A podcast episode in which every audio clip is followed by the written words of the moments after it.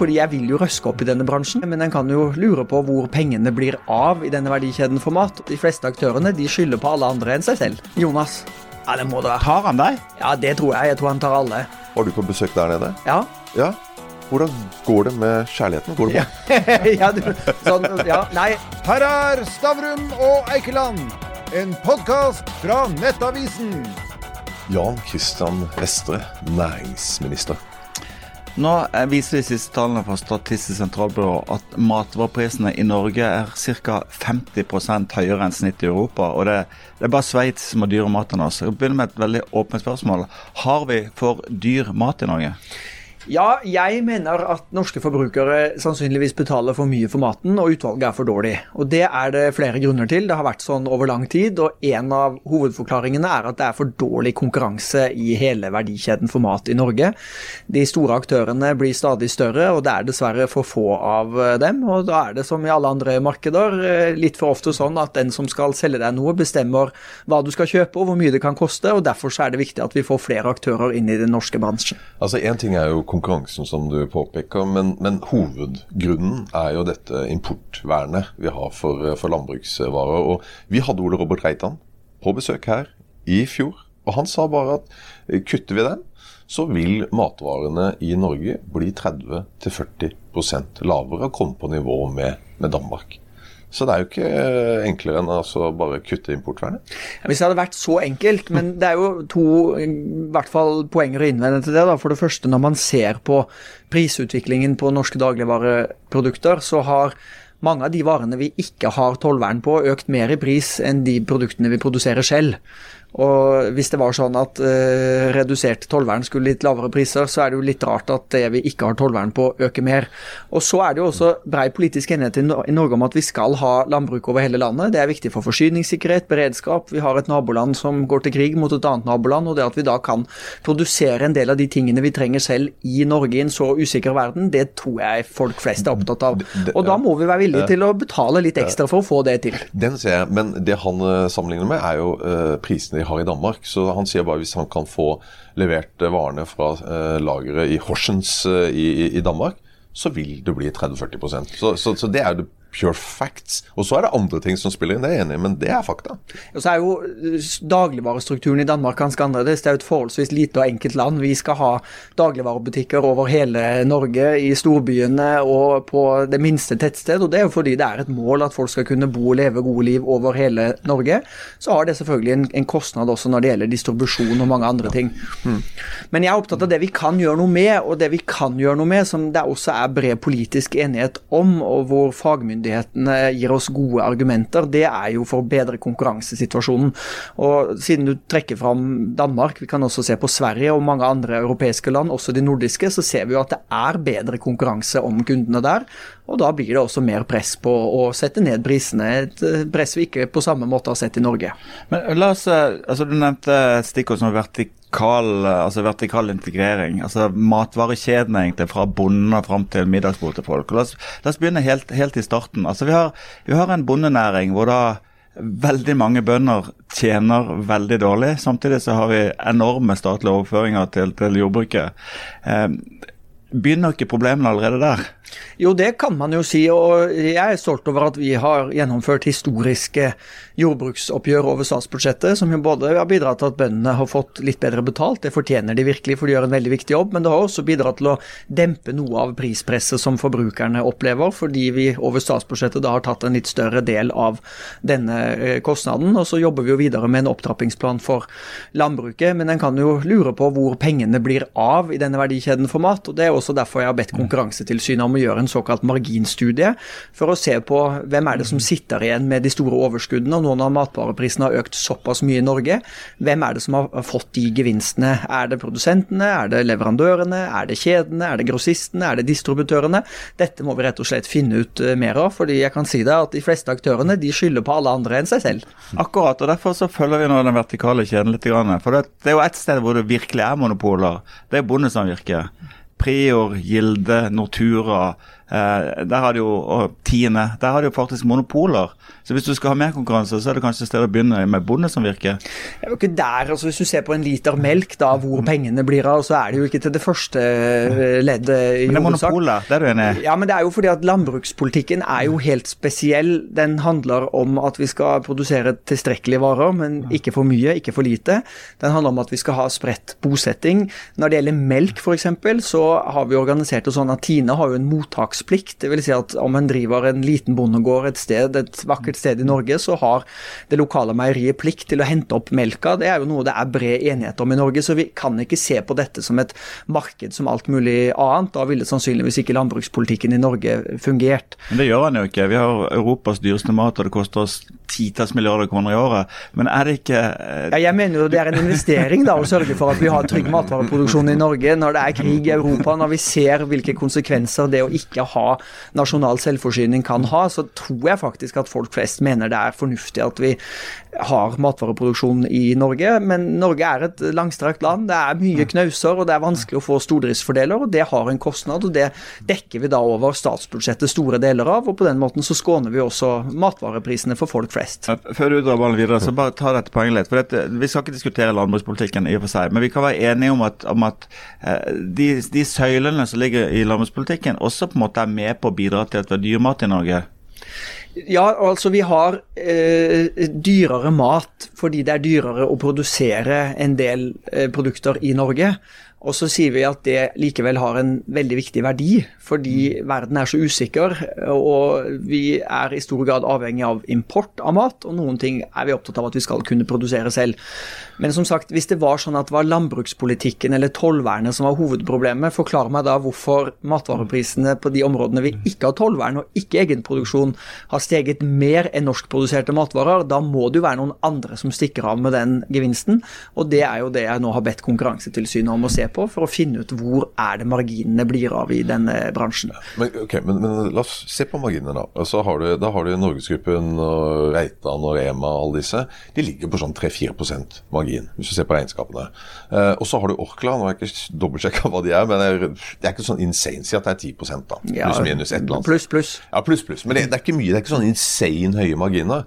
Så hva er det da som er igjen, da? Da er vi tilbake til der vi, vi var. Altså, altså det er ikke disse Norges rikeste som forsvinner med, med marginene. Det er jo et annet sted. Og vil du da tørre å gå og gjøre noe med det?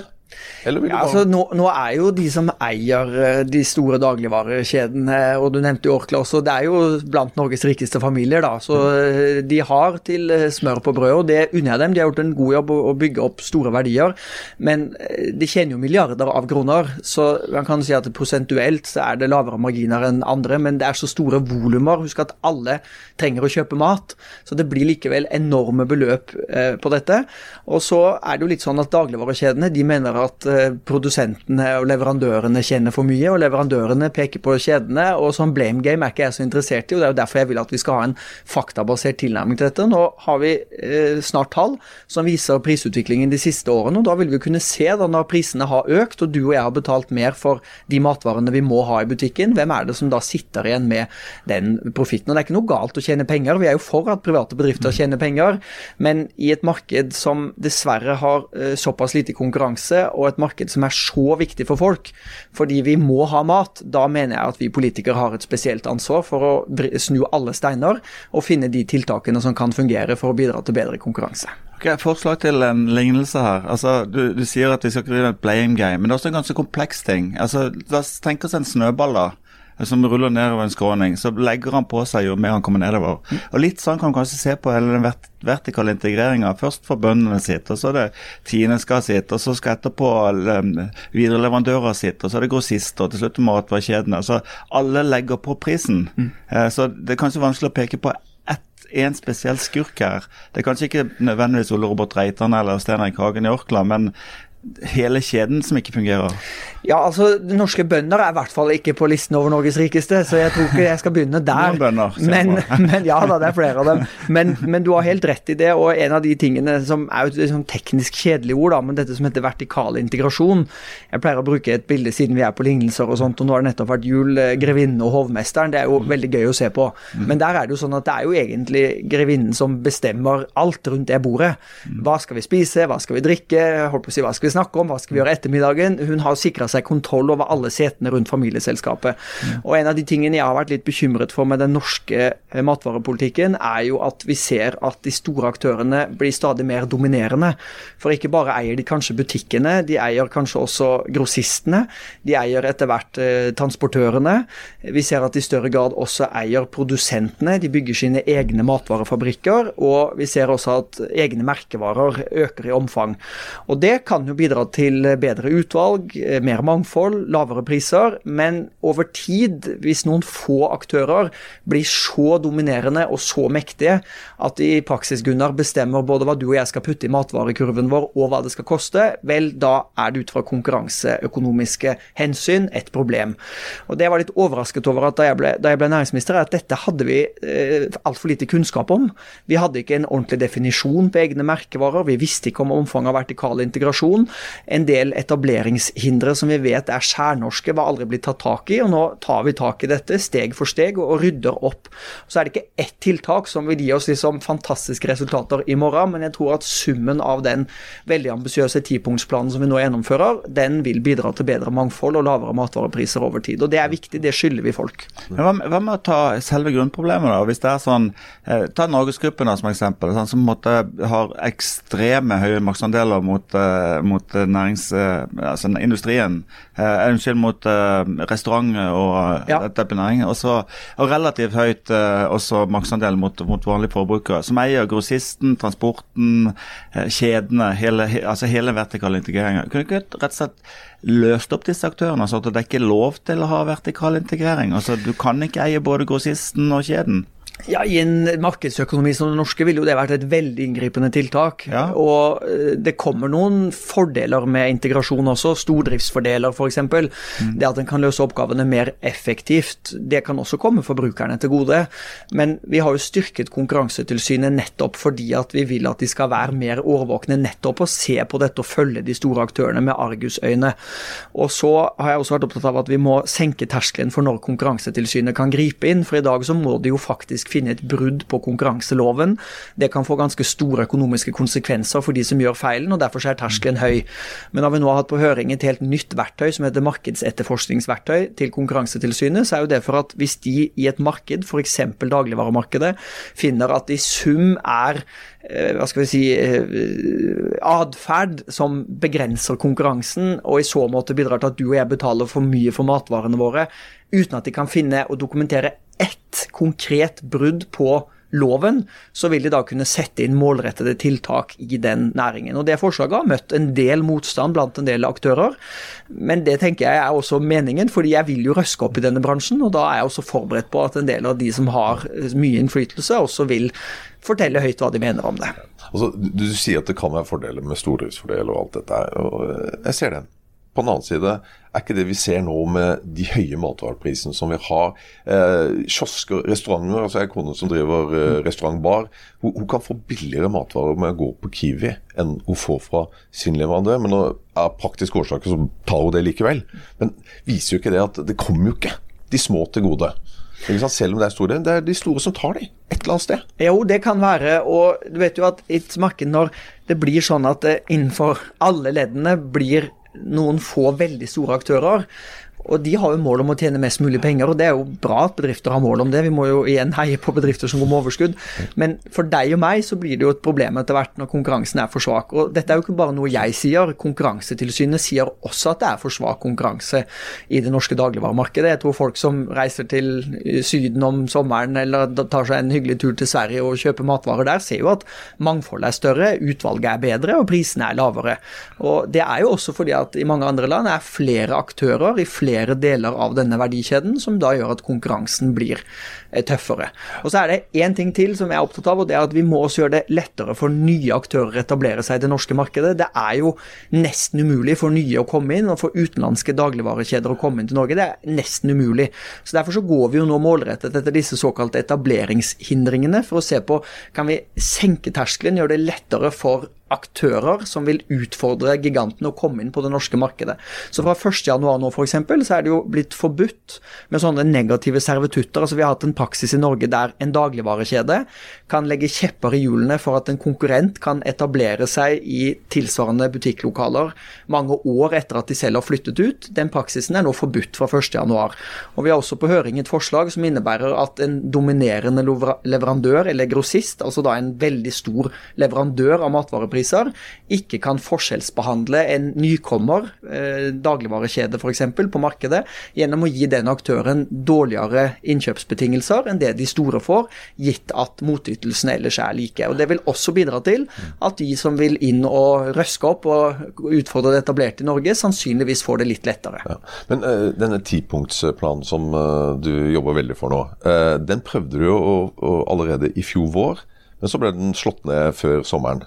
Og viser jo ikke det at disse matvaregigantene som, som vi snakker om her, Norgesgruppen osv., har for mye makt? Altså, altså, ja, altså. Ja, altså det, var, det var ikke tipunktslisten som ble slått ned. Det, var, det, er ti punkter vi jobber etter, og seks av de ti har vi gjennomført. Så det er fire som står igjen. Men vi hadde et forslag, det er helt riktig det, Ole, på høring eh, som handlet om å forby usaklig prisdiskriminering. Altså at en leverandør prisdiskriminerer en liten aktør i forhold til en stor aktør. Og det forslaget møtte så stor motstand at det trakk jeg.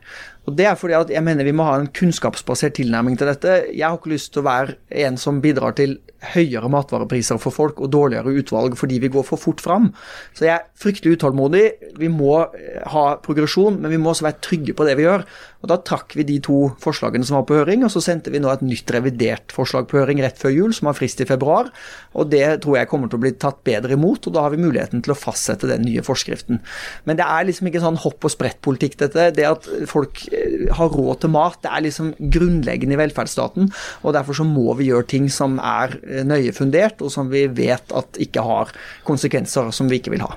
Men um Altså Adam Smith, uh, liberalismens far, sa allerede at, liksom at når, uh, når, to kapitalister er i gang, så begynner de med en gang å konspirere om hvordan de kan lage monopoler. Altså Det, måte, det ligger også i kapitalismen, det å unngå konkurranse. Og Ser du ikke når alle de store matvarekjedene på en måte opererer på samme vis? De, de sikrer seg kontroll fra, fra, fra, varene kommer inn. Transport, grossist, eh, merkevarer, kjeder. De har til og med ganske sånn overlappende kjeder i ulike segmenter. Sant? De opererer jo konsekvent for å unngå å ha konkurranse. Så kan du si at ja, de kan si at det er stordriftsfordeler, men det er jo ikke det når prisene likevel blir sinnssykt dyre i den ene enden, mens produsenten i andre enden ikke tjener særlig penger. Da er det jo noe fundamentalt galt her. Ja, jeg syns det var litt spissformulert det du sa der, men uh, i stort så er jeg enig med deg. Og det er derfor vi har tatt tak i dette. Uh, og så er det ikke ett tiltak som løser utfordringen, det er mange tiltak vi må gjennomføre. Men igjen, det å senke terskelen for når nye aktører kan komme inn på markedet. Det vil jo utfordre gigantene. Eh, det å sørge for at de ikke kan bruke sin dominerende stilling til å, å, å forskjellsbehandle, men også til å legge helt konkrete kjepper i hjulet for eh, konkurrentene, sånn som f.eks. denne praksisen med å hindre at de kan etablere seg i, i egnede butikklokaler. Eh, det at vi nå for første gang har fått en ordentlig studie på omfanget av vertikal integrasjon, egne merkevarer. Vi kan se mer om virkningene på dette. og Jeg har sagt at jeg er helt åpen også for å vurdere tiltak der hvis det er behov for det. Alt dette tror jeg i sum vil bidra til at vi, vi eh, kommer videre. Husker jeg akkurat på denne tiden, Gunnar, for ett år siden, så reagerte jeg veldig kraftig, fordi da nærma vi oss 1.2. Og i Norge har vi hatt et sånn særnorsk fenomen om at dagligvareprisen justeres 1.2. og 1.7. Og før 1.2. i fjor så rapporterte stort sett alle mediene, kanskje ikke Nettavisen, men veldig mange av de andre, at nå kommer matvareprisene til å stige med 10% Og du vet, I et marked med dårlig konkurranse, når aktørene varsler varsler konkurrentene sine gjennom mediene på forhånd om hvor mye de kommer til å sette opp prisene, og vi i tillegg vet at det kun forhandles to ganger i året. Jeg har jo drevet butikk i ti år sjøl, jeg vet jo litt om hvordan prisdannelse skjer. Det er jo åpenbart at en sånn praksis bidrar til dårligere konkurranse. Det tok regjeringen tak i, ba Konkurransetilsynet om å slå ned på det. Det har de nå gjort. og Nå så vi eh, de selv sier, og flere forskere har vært ute også, professor på NHO og Foros bl.a., sier at dette har vært bra for norske forbrukere at den praksisen nå tar slutt. For det vil komme deg og meg til gode gjennom lavere dagligvarepriser. Så jeg står opp hver morgen jeg, for å finne på eh, ting vi kan gjøre for å, å få gjort noe med denne situasjonen. Og jeg tror at i sum det vi nå gjennomfører, og som vi må jo være så sjenerøse på nyttår og si at dette er det stor tverrpolitisk enighet om i Stortinget også. Mange partier står bak dette. Det mener jeg vil, sum vil være bra for folk i Norge. Det vanskelige her tenker jeg, det er på en måte at det er jo sterke interessemotsetninger mellom hva man ønsker av politisk styring og forbrukerstyring, og hva disse aktørene ønsker seg. Og så har vi hatt ett forsøk. da, Lidl forsøkte å etablere seg i Norge og ble motarbeidet av alle. altså Politikere, næringsliv, media. altså Alle var imot Lidl. Selv forbrukere. Forbrukere. Skeptisk, vet du. Kommer noe nytt? Så Mitt tips til deg er siden Jonas er som er ute og reiser, det er ta deg en tur til Frankrike og Tyskland og møte Lidl, Aldo og Carrefour. Vi trenger en av de store gigantene i Norge. Det hadde vært en håndgranat inn i bransjen.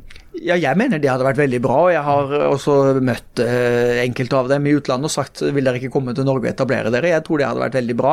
Så er det nok mange grunner til at Lidl sleit. Det, det var en av de tingene som eh, Noen som skal selge et produkt, må også kjenne kundene sine og markedet sitt. Jeg tror en av de feilvurderingene Lidl gjorde, var jo at de hadde med seg stort sett bare sine egne merkevarer som folk i Norge ikke kjente. Det hadde nok vært taktisk lurt å ha litt flere norske merkevarer som gjorde at folk var litt tryggere på hvilke produkter og hvilken kvalitet de fikk, men det var nå et valg de tok. Og at det har vært krevende, det er det ikke noen uh, tvil om. Uh, får vi inn flere på det norske markedet, så blir det bedre konkurranse, og det er igjen bra for deg og meg. Ja, Det var jo faktisk en masteroppgave som ble skrevet i 2017 om akkurat hvorfor Lidl mislykket. Og Da var det to grunner. Dette er en Håkon Winger Eide som, som skrev den. Ja. Uh, og det var én var importreglene, altså importvernet. Det var eh, en, en av hovedreglene. Og så var det konkurransen. Da var det jo fire konkurrenter. 99% hadde de av eh, markedet. Og nå er det Så tre. Ja, nå er det tre, og de har 96-7, eller hva, hva det er for noe. ikke? Så, så det er jo ikke lett. Mm. Og, og det jeg tenker nå, du jobber mot noen av de mektigste lobbyistene i Norge. Og så tror du ikke at det du gjør nå er ok, det er, jeg skal gi deg honnør for at du prøver, men at det blir bare ord. Det er jo alltid en fare for eh, det, men eh, Så jeg, jeg kommer fra næringslivet. Og jeg er opptatt av resultatene man skaper. og I næringslivet så blir du målt på faktiske resultater av aksjonærene dine og kundene dine og de ansatte. og Hvis ikke du leverer, så er det ikke liv laga for deg. liksom. Så jeg har en veldig sånn eh, resultatorientert tilnærming til politikk. At er, vi må skape forandring. Og igjen, nå har jeg vist noen eksempler på ting vi allerede har tatt valget på, som er trådt i kraft, praksis som er endret, atferd som er lagt om. Og Jeg mener jo at det har betydning. Og så vet jeg også at dette er mektige aktører. Og jeg ser jo lobbyistene og kommunikasjonsbyråene og PR-konsulentene når vi inviterer til innspillsmøter, så er de lina opp alle sammen. Så tenker jeg dette ser fryktelig dyrt ut, men det får jo være opp til hver enkelt dagligvareaktør. Det er hva de vil bruke pengene sine på. lave marginer. Men det som inspirerer meg, er jo at jeg jobber jo ikke for deres aksjonærer da, og for deres interesser. Jeg jobber jo for folk i Norge, i by og land, som er opptatt av å ikke betale for mye for maten. Og det er mer enn nok inspirasjon og energi for meg det til å fortsatt stå på her. Og så blir det vel nok noen tøffe diskusjoner framover. Og jeg er forberedt på at eh, de mektige aktørene også mobiliserer mot eh, forslag som kan ha effekt. Og jeg tenker at da har nettopp forslagene effekt. Hadde det vært sånn at de mektige aktørene sa at eh, Jan Christian Vestre, dette kan du bare gjennomføre, dette går helt fint, da hadde forslaget kanskje ikke vært eh, kraftig nok. Så du tror ikke at de har vår alles beste i synet? Jo da, jeg tror det er gode folk. Og husk at dagligvaremarkedet er jo veldig viktig. da. Her går folk på jobb hver eneste dag for å sikre at det er mat i hyllene. Og eh, kjedene gjør masse bra for å ta inn ungdom som vil ha jobb, og folk som eh, kanskje sliter litt med å komme inn på arbeidsmarkedet. Det er masse bra arbeidsmarkedspolitikk, og det er en viktig arbeidsplass for nordmenn over hele Norge. Så vi har mye å takke alle aktørene i dagligvarebransjen for. Men de er også store, og de er viktige, og de er mektige, og da må de også tåle å bli sett litt ekstra på, og også tåle at vi kan diskutere konkurransesituasjonen. Men To fenomener som vi har vært innom, som jeg tror- vi kan gå litt dypere i. det er, Vi kan begynne med egne merkevarer. og For å forklare folk hva det betyr, så er det de skal kjøpe tacoen på fredag, så Ja. kan de velge å kjøpe liksom de originale brandsene eh, som er dyre, eller de kan ha helt like produkter eh, som, har, eh, som heter det som eh, Coop og de andre kaller sine produkter, mye billigere. Er ikke det bare superbra for forbrukerne? Eh, Jo, altså den rapporten som vi fikk nå rett før jul, som vi bestilte fra Samfunnsøkonomisk analyse, peker jo på at egne merkevarer La oss vise eksempler. der. Det er f.eks. First Price. Mm. Det er Englamark. Det kan være Jacobs hvis du vil eh, betale mer. Mm. At det kan ha hatt eh, positive effekter på mangfoldet, det kan det ha.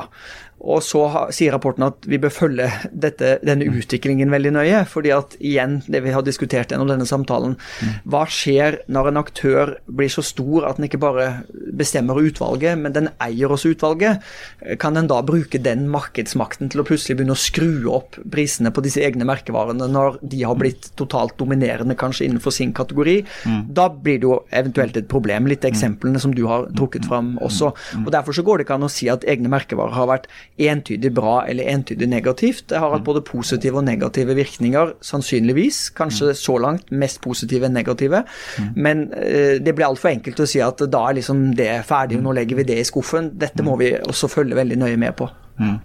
Yes, ok. Uh, Ja, skal et spørsmål til. Et spørsmål til, ja. det, går, det går på et, noe som du så vidt var innom, som jo er korrekt, og som vi vet fra eh, Matvarekjedeutvalgets innstilling for ti år siden, nemlig det at det er andre varegrupper hvor profitten er mye høyere enn en norsk mat. sant? Eh, Ta toalettartikler, eh, hvor, hvor det er store marginer i, i kjedene. Og Ole Robert Reitan sa også når han var her, at det var enkelte vare- varegrupper de egentlig eh, sponser forbrukerne med. altså en type sånn ribbe før jul, Ja. altså, eh, som, som de selger med, med, med tap. Det, det viser jo en ganske pussig jungel vi forbrukere skal orientere oss i. Ja, altså kryssubsidiering heter jo det der, der og, og det, det er ikke så uvanlig i næringslivet at en gjør det. Det er blitt sånn noe er på kampanje, og så vet man at enkelte varegrupper er det høyere og mindre betalingsvilje, og konkurransen er tøffere på én type produkter og kanskje mindre tøff på andre typer produkter, og da kan du prise produktene litt annerledes. Så, og, og, og sånt er det jo et velfungerende marked.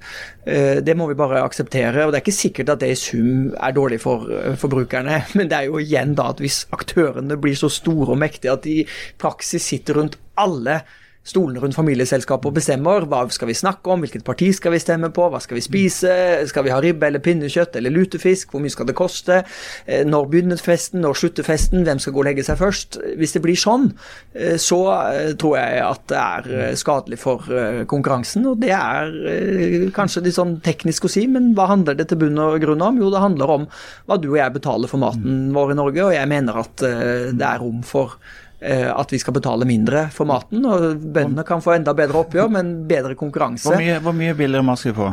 Nei, Det går ikke an å sette noe tall på, men eh, målet er at vi nå skal få ned prisveksten. Den er jo på vei ned, og det er bra. Og så er målet at vi skal få inn flere aktører i dagligvaremarkedet. eh, I alle deler av verdikjeden for mat, egentlig. Og få tøffere konkurranse, og forhåpentligvis etter hvert kunne si at konkurransesituasjonen, om ikke er friskmeldt, i hvert fall har blitt bedre. Og at det vil bidra til at vi får eh, lavere matvarepriser. Det tror jeg er ganske sikkert. Men du er jo heldig. Ikke sant? Du fant jo kjærligheten for eh, noen år siden. Eh, I Danmark. Så du kan jo få billige eh, matvarer der når du er på besøk hos, hos henne. Ja, ja, ja, ja altså, jeg kan handle rundt omkring når jeg er på, er på tur. Jeg pleier liksom å handle med sånne atypiske ting som, som Ja. ja. Hva da- hva da? eh, Nei, så for eksempel såpe syns jeg er gøy å kjøpe i utlandet, og tannkrem og sånne rare ting. Så jeg burde sikkert vært mer prisbevisst eh, og tatt med ting hvor det virkelig er marginforskjeller. Men det syns jeg er litt sånn morsomt. Annen smak på tannkremen, eksempel, i Tyskland. som, Tyskland. er det noen sånn begrensning på hvor mye du kan ta med deg hjem? Eller sånn? Eh, nei, og sist fikk jeg en lang liste fra søstera mi og mora mi også på tilsvarende ting, og det gikk fint på flyet, det, altså. Men, ok, men, men eh, din eh, kjære, hun er jo tysk, har jeg Ja. lært. Ja, og så I jula så var du på besøk der nede. Ja. Ja. Hvordan går det med kjærligheten? Går det bra? ja, du, sånn, ja, nei, heldigvis så diskuterer vi ikke så mye dagligvarepolitikk og tipunktsplaner og sånt. da. Nei.